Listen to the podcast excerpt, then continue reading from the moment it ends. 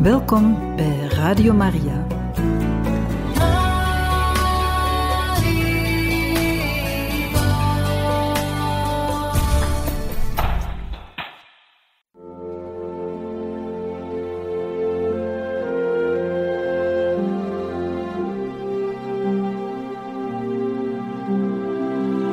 Beste luisteraars van Radio Maria, welkom bij het programma Catechismus. Een overweging bij de geloofschat van de kerk.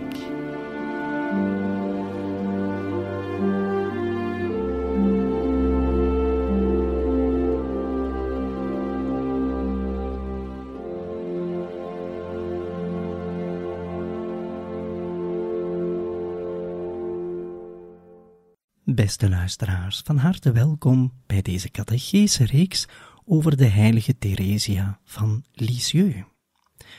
We zijn aan het zesde deel gekomen van deze catechese reeks en we hebben bij de vorige aflevering de eerste periode van de heilige Theresia afgesloten. In vijf afleveringen hebben we gekeken naar het gezin, de ouders van de heilige Theresia, dan de zussen en broers die zij heeft gekend, en nu zijn we eigenlijk gekomen aan november, 15 november 1877. De heilige Theresia is nu vier jaar en tien maanden. Zij is geboren namelijk op 2 januari 1873. En zij zelf, later, wanneer zij haar leven gaat bekijken en gaat opschrijven in een autobiografie, zal ze zeggen dat die eerste periode een hele mooie periode was. En die loopt dus vanaf 2 januari 1873 tot zeg maar 15 november 1877. Vier jaar en tien maanden zal ze dan zijn.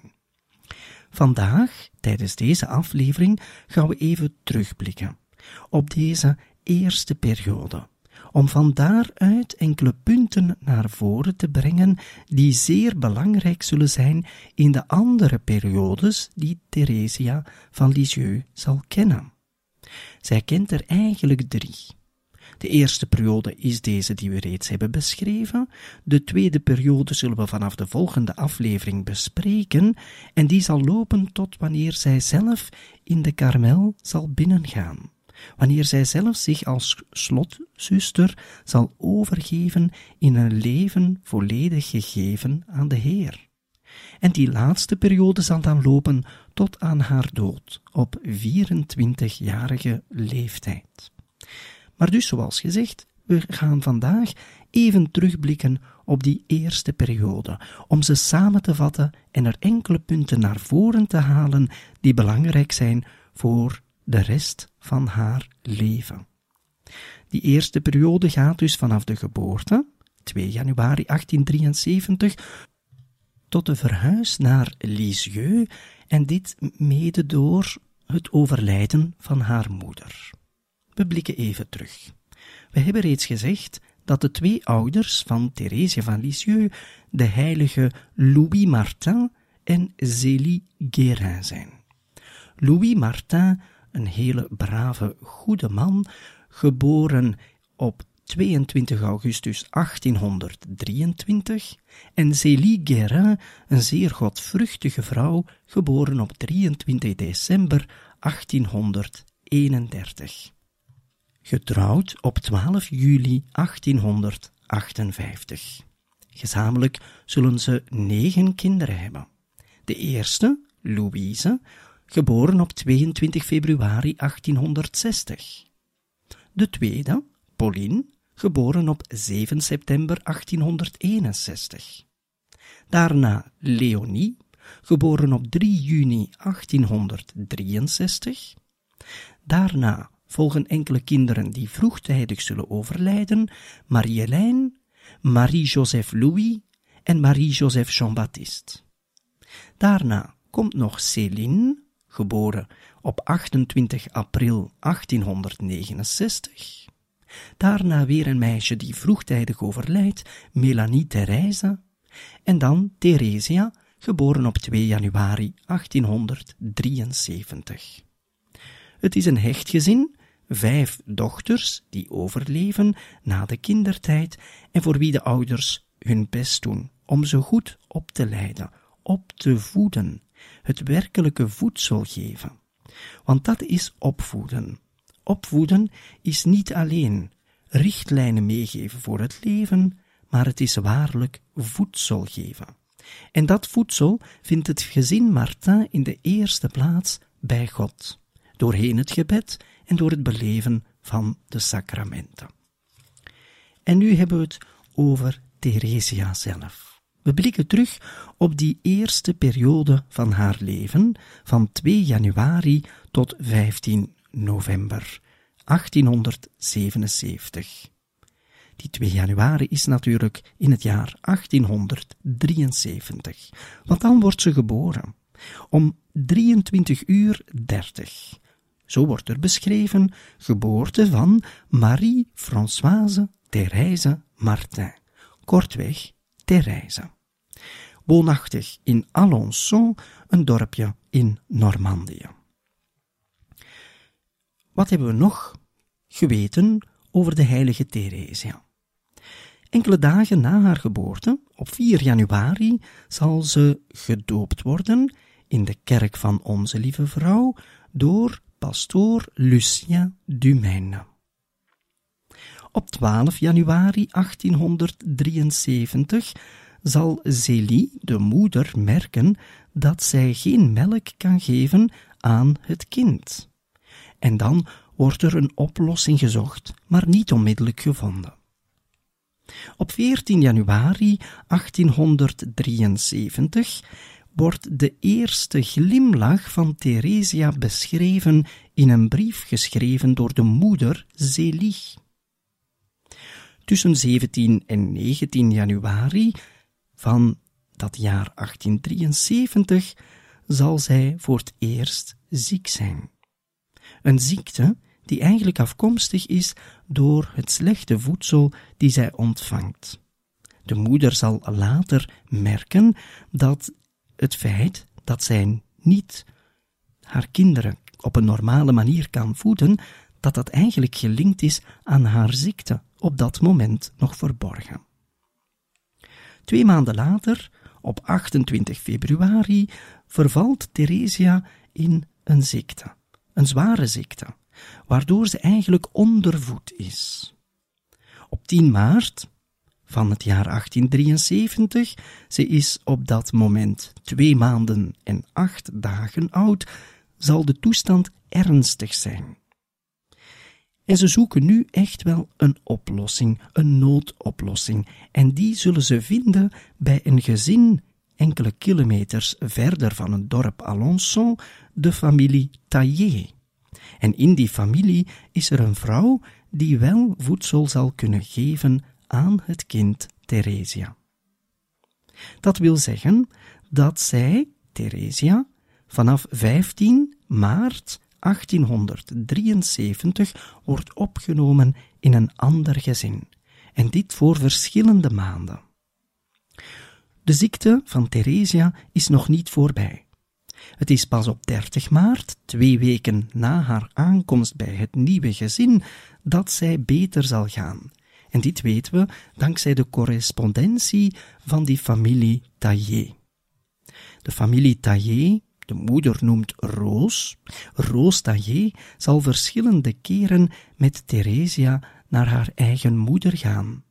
En zo weten we dat zij op 15 mei een bezoek brengt aan Alençon en zelfs meegaat naar de markt.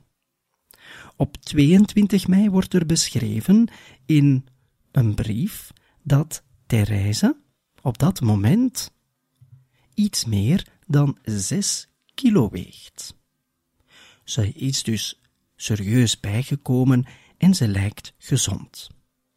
Op 20 juli staat er in een brief dat Therese goed gebruind is door de zon en reeds een, zo staat er, dikke baby is.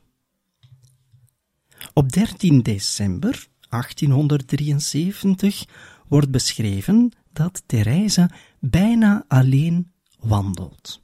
Ze kan dus al recht staan, maar wandelen gaat nog niet volledig. En zo komt zij aan haar eerste verjaardag, 2 januari 1874. En enkele dagen later, namelijk op 8 januari, zal er geschreven staan dat Therese helemaal alleen en zelfstandig kan stappen. Zo zien we het eerste jaar van Theresia. Een gelukkig kind, maar tegelijkertijd een kind dat in een noodsituatie is opgevangen door een ander gezin. En zij blijft daar nog enkele maanden. Dat zal zijn tot 2 april 1874. In totaal iets meer dan een jaar dat zij aanwezig is geweest bij een vrouw die haar kon voeden.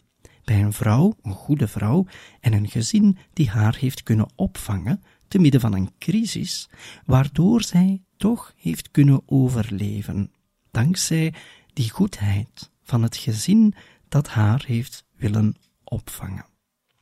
Zo dadelijk bekijken we verder vanaf het tweede jaar.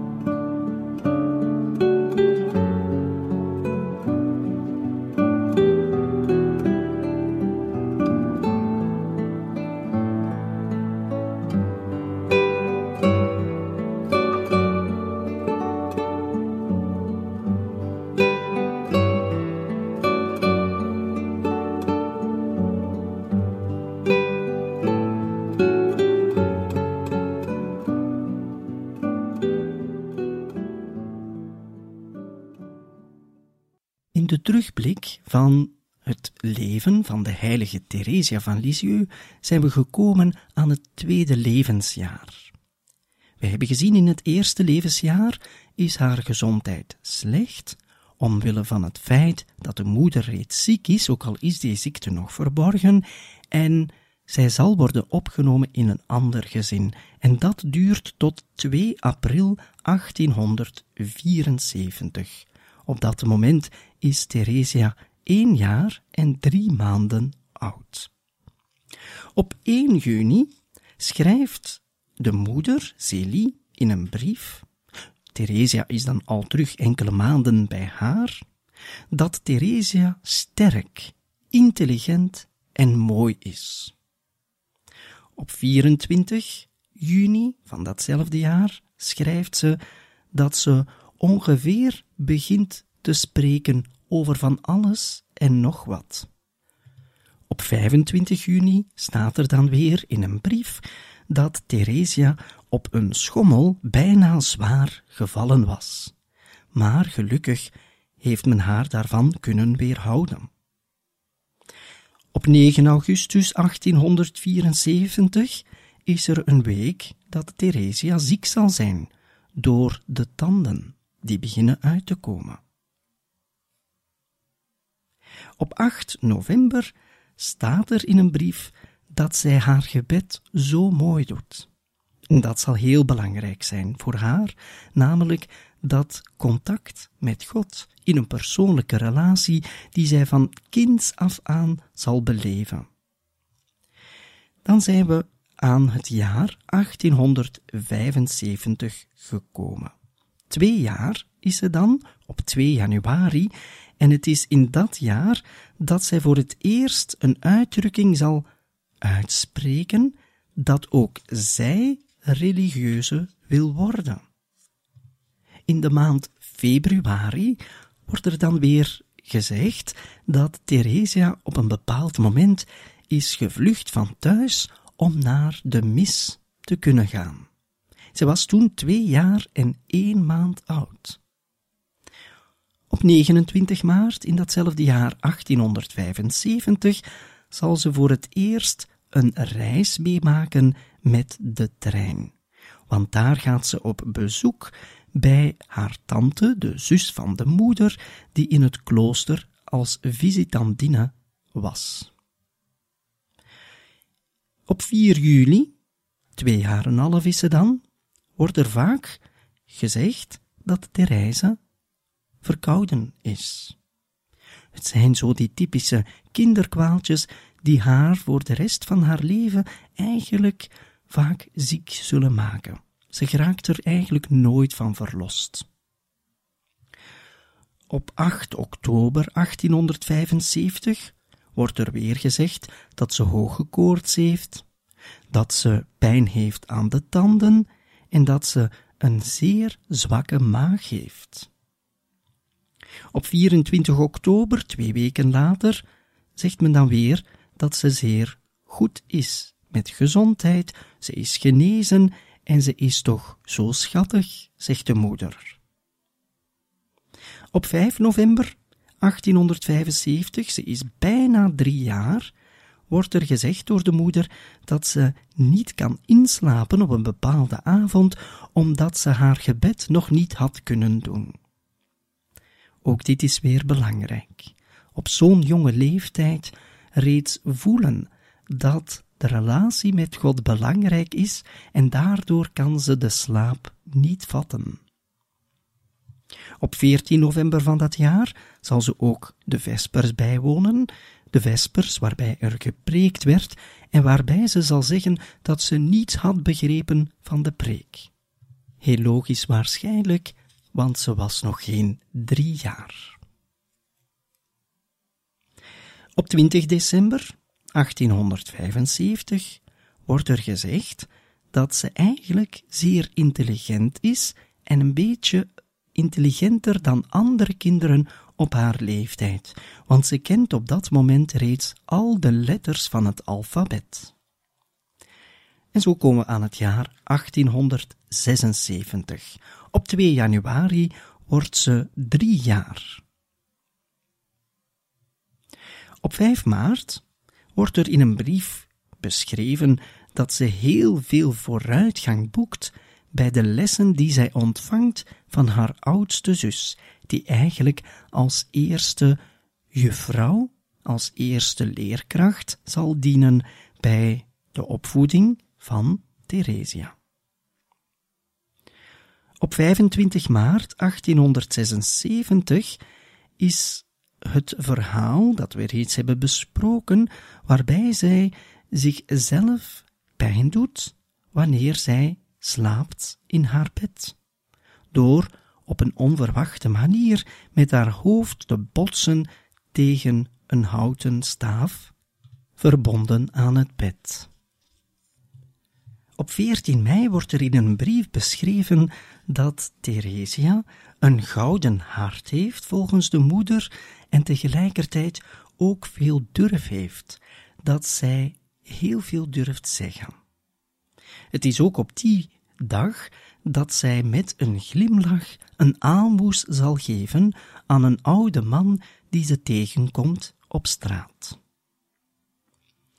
Op 16 juli moeten we ook even opmerken dat Celie voor de eerste maal in een brief haar eigen zwakte en zelfs ziekte verkondigt aan haar broer. Dit is één jaar voor haar eigen overlijden. Het is op dat moment dat de moeder begint zorgen te maken over de toekomst van het gezin. Maar de briefwisseling over de kinderen gaat verder. En zo schrijft zij op 8 november 1876 dat Therese de mazelen heeft, maar na vier dagen reeds genezen zal zijn. En zo komen we aan Theresia, die vier jaar wordt, op 2 januari 1877. Op 13 februari van dat jaar 1877 wordt er gezegd dat ze zich verveelt tijdens de preek, tijdens een Eucharistie. Zelfs bij de heilige kinderen kan dat eens gebeuren. Op 4 maart schrijft de moeder dan weer dat Therese over niets anders spreekt dan over de goede God. En tegelijkertijd wil zij op dat moment elke dag weten welke dag het is, want dat houdt ze graag bij. Op 22 maart, Therese is dan vier jaar en twee maanden, is er geschreven dat Therese nooit zou liegen voor geen goud in de wereld. En dat zij met heel veel geestdrift durft spreken. Op 3 april zal ze nogmaals uitdrukking geven van het feit dat zij zich wil laten opsluiten in een klooster en dat zij wil binnentreden. Op 4 april van dat jaar zal ze haar eerste brief schrijven. En wij hebben die brief in een van de vorige catecheses voorgelezen. Dat was geschreven aan een vriendin van haar zus. Op 10 mei 1877 zal zij uitleggen aan haar iets oudere zus Céline wat de Almachtige betekent. Therese zal op dat moment zeggen: De Almachtige, wel, dat betekent dat God doet wat Hij wil. Op 28 augustus, een hele belangrijke datum in deze eerste periode, zal de moeder, Zélie, om half één s'nachts sterven, in aanwezigheid van haar man en de drie oudste kinderen. Therese zal slapen en s'morgens zal zij te horen krijgen dat haar moeder is weggegaan naar de hemel. En reeds op 29 augustus zal Therese haar zus Pauline, de tweede oudste, kiezen als tweede mama. Het is op diezelfde dag dat Zélie reeds zal begraven worden op de plaatselijke begraafplaats. En zo zullen we komen aan 15 november 1877.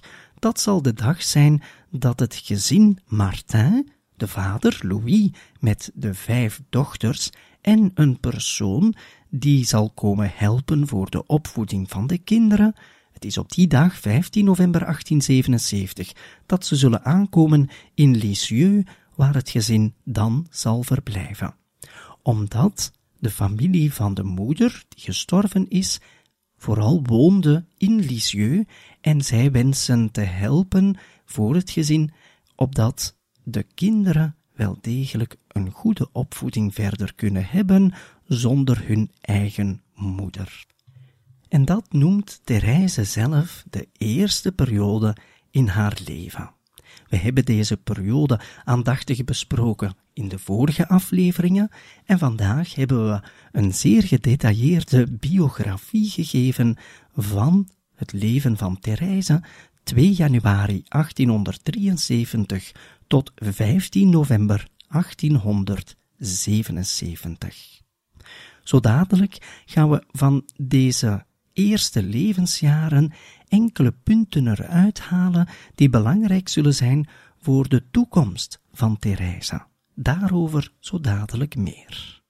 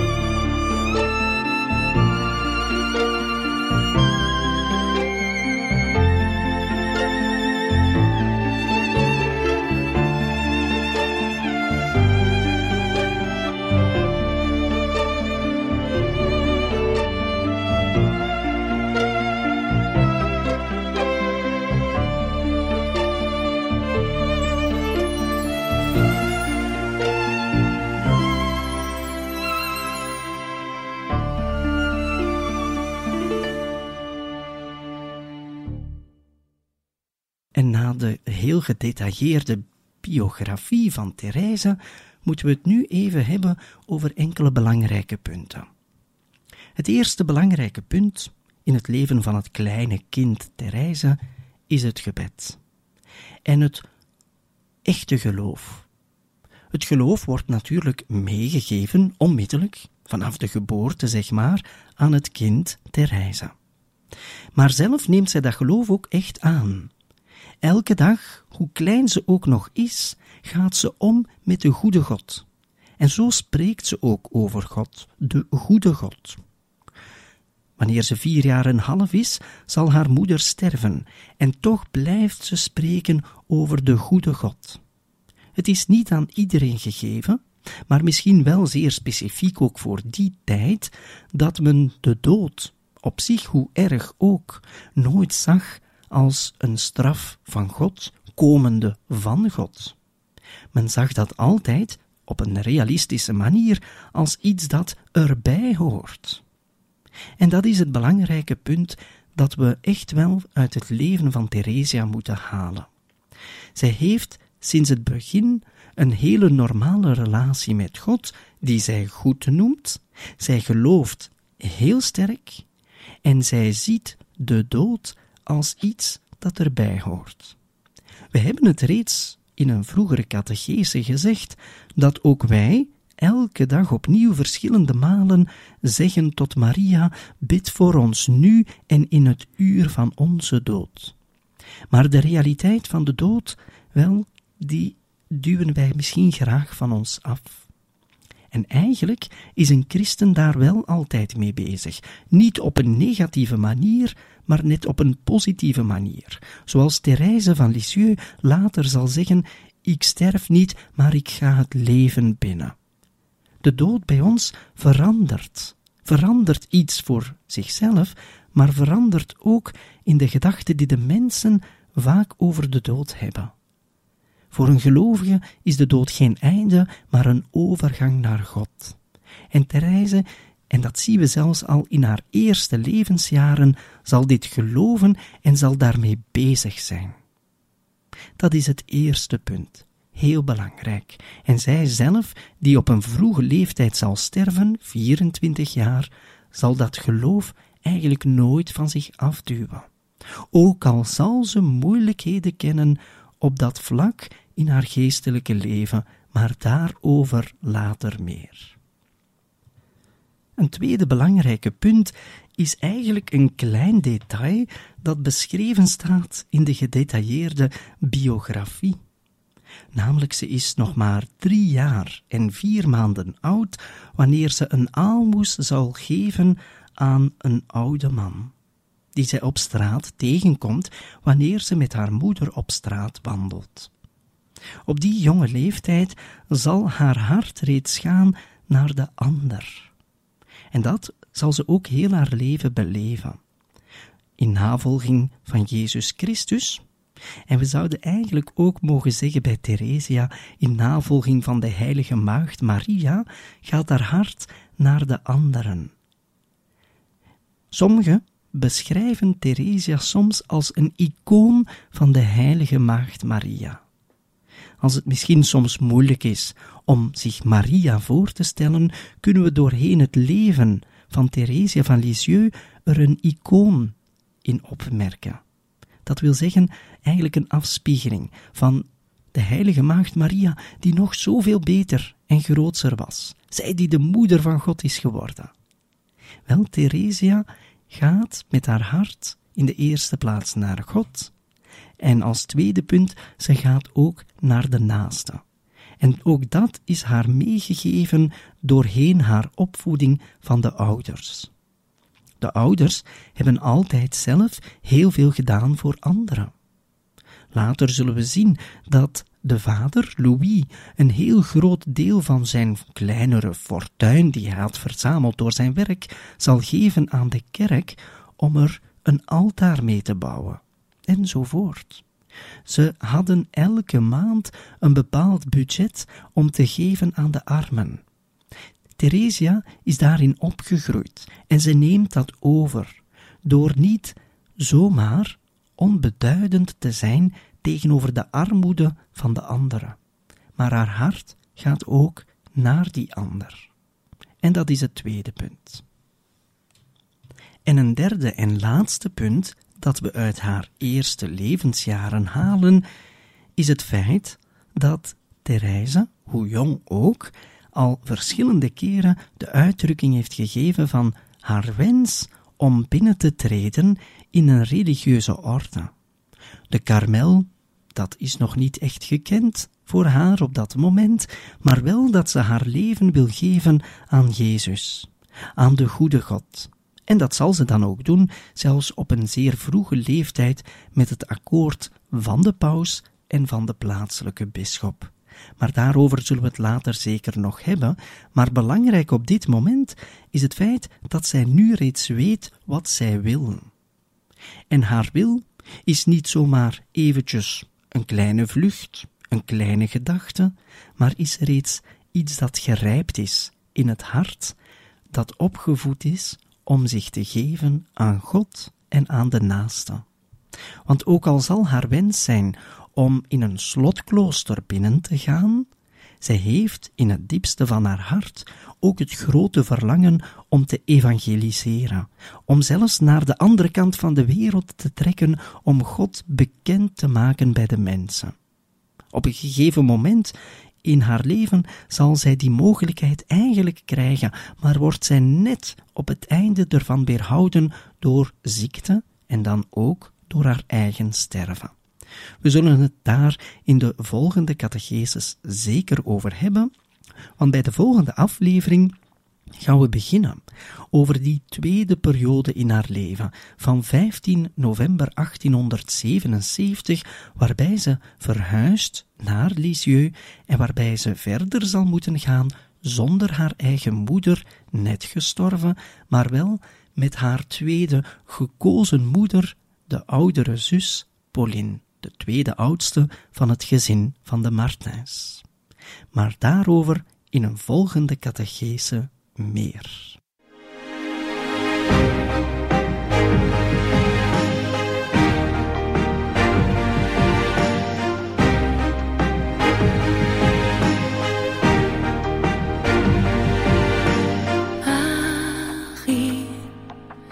l'espoir et la douceur. Marie, jaillissent de ton cœur, tu as dit du Seigneur, tu as dit oui, tu as porté le sauveur.